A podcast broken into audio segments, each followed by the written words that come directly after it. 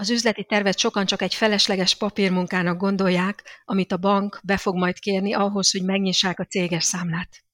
Igen, a bank biztosan be fogja kérni, de nem csak erről van szó. Az üzleti terv valójában egyfajta leltár, amit még akkor is meg kellene csinálnod legalább fejben, ha nem kellene senkinek sem leadnod. Mielőtt időt, pénzt és energiát fektetsz valamibe, tartozol magadnak azzal, hogy átgondolod. Egyáltalán működhet ez a dolog. Ez a második adásunk az üzleti terv témájában, és ez szoros kapcsolatban van az elsővel. Ha azt nem hallottad, érdemes a negyedik epizódot meghallgatnod.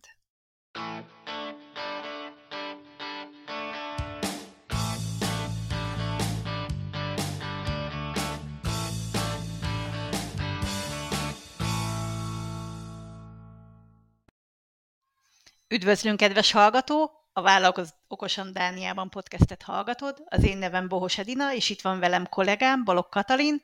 Mindketten a Coolaconc EPS Dániai könyvelőiroda tulajdonosai vagyunk. Szia Kati, készen állsz a második felvonásra? Igen, abszolút. Oké. Okay.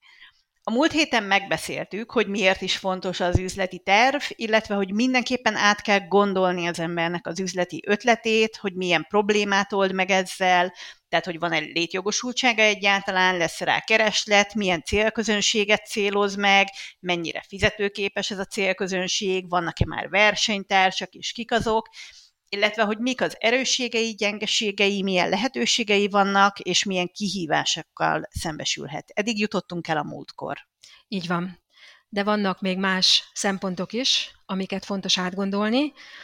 Ezekről beszélünk akkor ma. És a következő az az, hogy körbe kell járni, hogy magát a tevékenységet hogyan fogod végezni. Hol lesz a munkahely? Otthonról fogsz dolgozni, vagy bérelned kell egy üzlethelyiséget, vagy egy műhelyet, vagy az ügyfelek székhelyén fogsz dolgozni, mint például, hogy kertész, vagy lehet, hogy a te esetedben igen, ami ugye az volt, hogy én családi összejöveteleken fogom a, az ételt biztosítani az ott jelenlévőknek, akkor nyilván ebben az esetben az én munkahelyem az az ügyfélnek a konyhája lesz. Így van. Viszont meg kell azt is nézned, hogy ki fog dolgozni. Egyedül te fogsz dolgozni, vagy szükség lesz alkalmazottra, esetleg alvállalkozóra, vagy alkalmanként egy szabadúszóra. Hogyan fog ez működni? Hát én egyelőre úgy tervezem, hogy egyedül fogom ezt csinálni, de miért van ennek jelentősége, hogy én már az elején tudjam, hogy lesz alkalmazottam? Egyrészt azért, mert ha lesz, akkor meg kell találnod a megfelelő embert, vagy embereket, amit nem is olyan könnyű megtalálni. Másrészt, hogyha alkalmazottad lesz, vagy alkalmazottaid lesznek, akkor annak vannak jogi, adminisztrációs és anyagi vonzatai. Azt is át kell majd gondolnod, hogy milyen eszközökre lesz szükséged. Mert lehet, hogy ha beindulsz ezzel a főző vállalkozásról, akkor azért venni kell egy-két fakanalat. Igen, esélyes, hogy akkor otthon van, az nem feltétlenül lesz elég, illetve gyanítom, hogy egy autót is be kell szereznem, amivel a fél disznót, vagy a 20 kiló káposztát oda tudom vinni a helyszínre. Így van. És ennek a kapcsán bejön akkor az, hogy a fix költségeidet számba kell venni, mert ha veszel egy céges autót, annak minden hónapban lesz költsége, hiszen biztosítást kell fizetned, de ott lesz majd azért a súlyadó is, az üzemanyag. Ha alkalmazottad lesz, akkor annak fizetést kell fizetned, de hát nyilván a vállalkozásod van, akkor eleve ott van, hogy a banknak kell fizetned a számlavezetési költséget, a könyvelőnek fizetni kell, biztosításokat fizetni kell, és ezek ugye fix költségek minden hónapban, amivel számolnod kell. Nyilván azzal is számolnod kell, hogy a költségek ugye mindig jelentkeznek, de a bevételed az lehet, hogy nem rögtön fog jelentkezni. Mm, igen, ez általában sajnos így szokott lenni. Jó, akkor beszéltünk az alkalmazottakról, de ami gyakran még feljön kérdésként, hogy maga a tulajdonosi kör az hogy alakuljon, hogy egyedül dolgozzak, vagy mi van akkor, hogyha én egy barátommal, ne Isten a házastársammal szeretném csinálni ezt az üzletet, akkor mi a helyzet? Igen, ez egy nagyon jó fölvetés, mert ez egy nagyon kulcs az egész vállalkozásban. Lehet, hogy többen lesztek, aminek nyilván van előnye, hiszen nagyon kevés az az ember, vagy nem tudom, hogy egyáltalán van-e olyan ember, aki mindenhez ért, aki minden területen jó, viszont ha többen vagytok, akkor ki tudjátok egészíteni egymást. Lehet, hogy te jó vagy a főzésben, de a, az üzlettársad meg jó a marketingben, vagy az eladásban, vagy az adminisztrációban. Ö, és ez nyilván gazdagíthatja a cégeteket.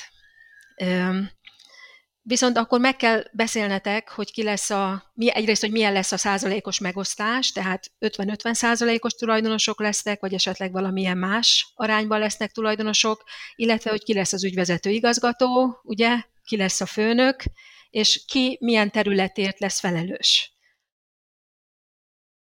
Oké, okay, és uh, nyilván akkor azt is el kell dönteni, hogy milyen játékszabályok alapján fogunk dolgozni, uh, illetve mik lesznek az elvárások, ugye? Így van, pontosan. Uh-huh. Mit akartok, mi az elvárásotok ettől a, a biznisztől, ettől az üzlettől, uh-huh. mi a célotok vele? Uh, ezt is jól át kell beszélnetek, mert nem biztos, hogy ugyanaz. Lehet, hogy az egyik őtöknek az a célja, hogy két éven belül milliómos legyen, a másikotoknak meg az a célja, hogy legyen egy elfogadható vagy egy jó jövedelme, de ő szeretné, hogyha lenne azért szabad ideje is, meg szeretné, min, szeretne minél több időt a családjával tölteni. Na most ez a két cél, ez nem biztos, hogy összepasszol. Mert amikor az ember két év alatt milliómossá akar válni, akkor bizony nem biztos, hogy minden hétvégét a családjával tudja tölteni. Úgyhogy ezeket le kell mhm. már az elején koordinálni, meg kell egyezetek már az elején. Uh-huh. Igen, mert ha itt van nyilván már egy egyet nem értés, akkor nagyon nehéz lesz egymáshoz idomulni, illetve igen, tehát nagyon jó dolog, ha társulsz valakivel, de azért ebben a csapdák is benne vannak, mert amíg mindenki jól megy, addig minden jól megy, de ha valami nem jól megy, akkor, akkor ott már jönnek az egymásnak feszülések, az egymás hibáztatása adott esetben, és ezen bizony kapcsolatok bukhatnak el, és sajnos láttunk is már erre példát, hogy barátságok, vagy akár házasság is tönkrement ebbe. Bizony, vannak ilyen példák is. Minden esetre, amikor jót elgondoltátok, vagy átgondoltad a tulajdonosi, meg az alkalmazotti kört, akkor jön a következő dolog, hogy át kell gondolni a marketinget. Tehát, hogy hogyan fogod ismerté tenni a céget, vagy fogjátok, és hogyan fogsz eladni. Ugye a legritkább esetben van az, hogy az ember megnyit egy céget, és oda rögtön azonnal áramlanak a, az ügyfelek. Hát pedig ez milyen jó lenne, Istenem, de jó. Tehát akkor, akkor igazából ez egy nagyon-nagyon sarkalatos pontja, hogy, hogy ismerté kell tennem magamat és a vállalkozásomat. Így van valamilyen módon. Ugye a mai világban egyre inkább bejön a közösségi médián való reklámozás. Itt nyilván figyelned kell a, a célcsoportra, mert nem biztos, hogy a, ha a nyugdíjas korosztály a célcsoportod, akkor a TikTok a, a megfelelő közösségi média, ha viszont a tinédzsereket szeretnéd elérni, akkor lehet, hogy nem a Facebookon kellene reklámoznod, hiszen nem azon vannak. Itt nálad ugye a, a célközönség, Hát igen, az a 40-60-as korosztály, szerintem ők így a Facebookon, Instán vannak, tehát nekem az egy igen jó reklámozási felület igen, lehet. Igen, most nyilván vannak más hirdetési lehetőségek is, Mindenesetre a marketingnél azt is figyelembe kell venni, hogy van-e egyáltalán tapasztalatod a marketing területén, hiszen sokan azt gondolják, hogy értenek hozzá, de nem biztos, hogy ez tényleg így is van. A marketing szakemberek világát éljük. Igen, ma.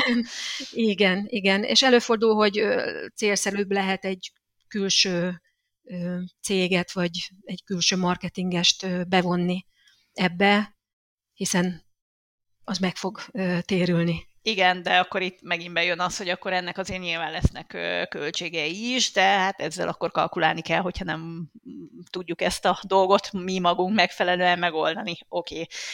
De például most az jutott eszembe, hogy az én esetemben az is egy jó ötlet lehet, hogy, hogy én kiállok a belvárosba kis kóstoló falatokat osztogatni az én kis szórólapommal együtt, mert így nagyon jól meg tudom ismertetni magam a célközönségemmel, szerintem. Igen, ez egy nagyon jó ötlet. Na, hát látod, ma, mai nap is fel vagyok jobbnál jobb ötletekkel így.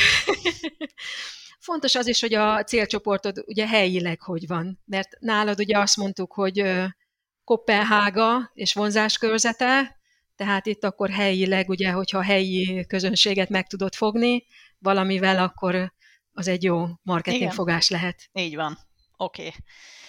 Akkor átnéztük igazából a fő dolgokat, akkor van egy képünk arról, hogy hogyan néz ki a vállalkozásunk, hogy hogyan fogunk eladni, de hát a legfontosabb azért mégiscsak a pénz. Igen, minden a pénzen áll és bukik. Igen.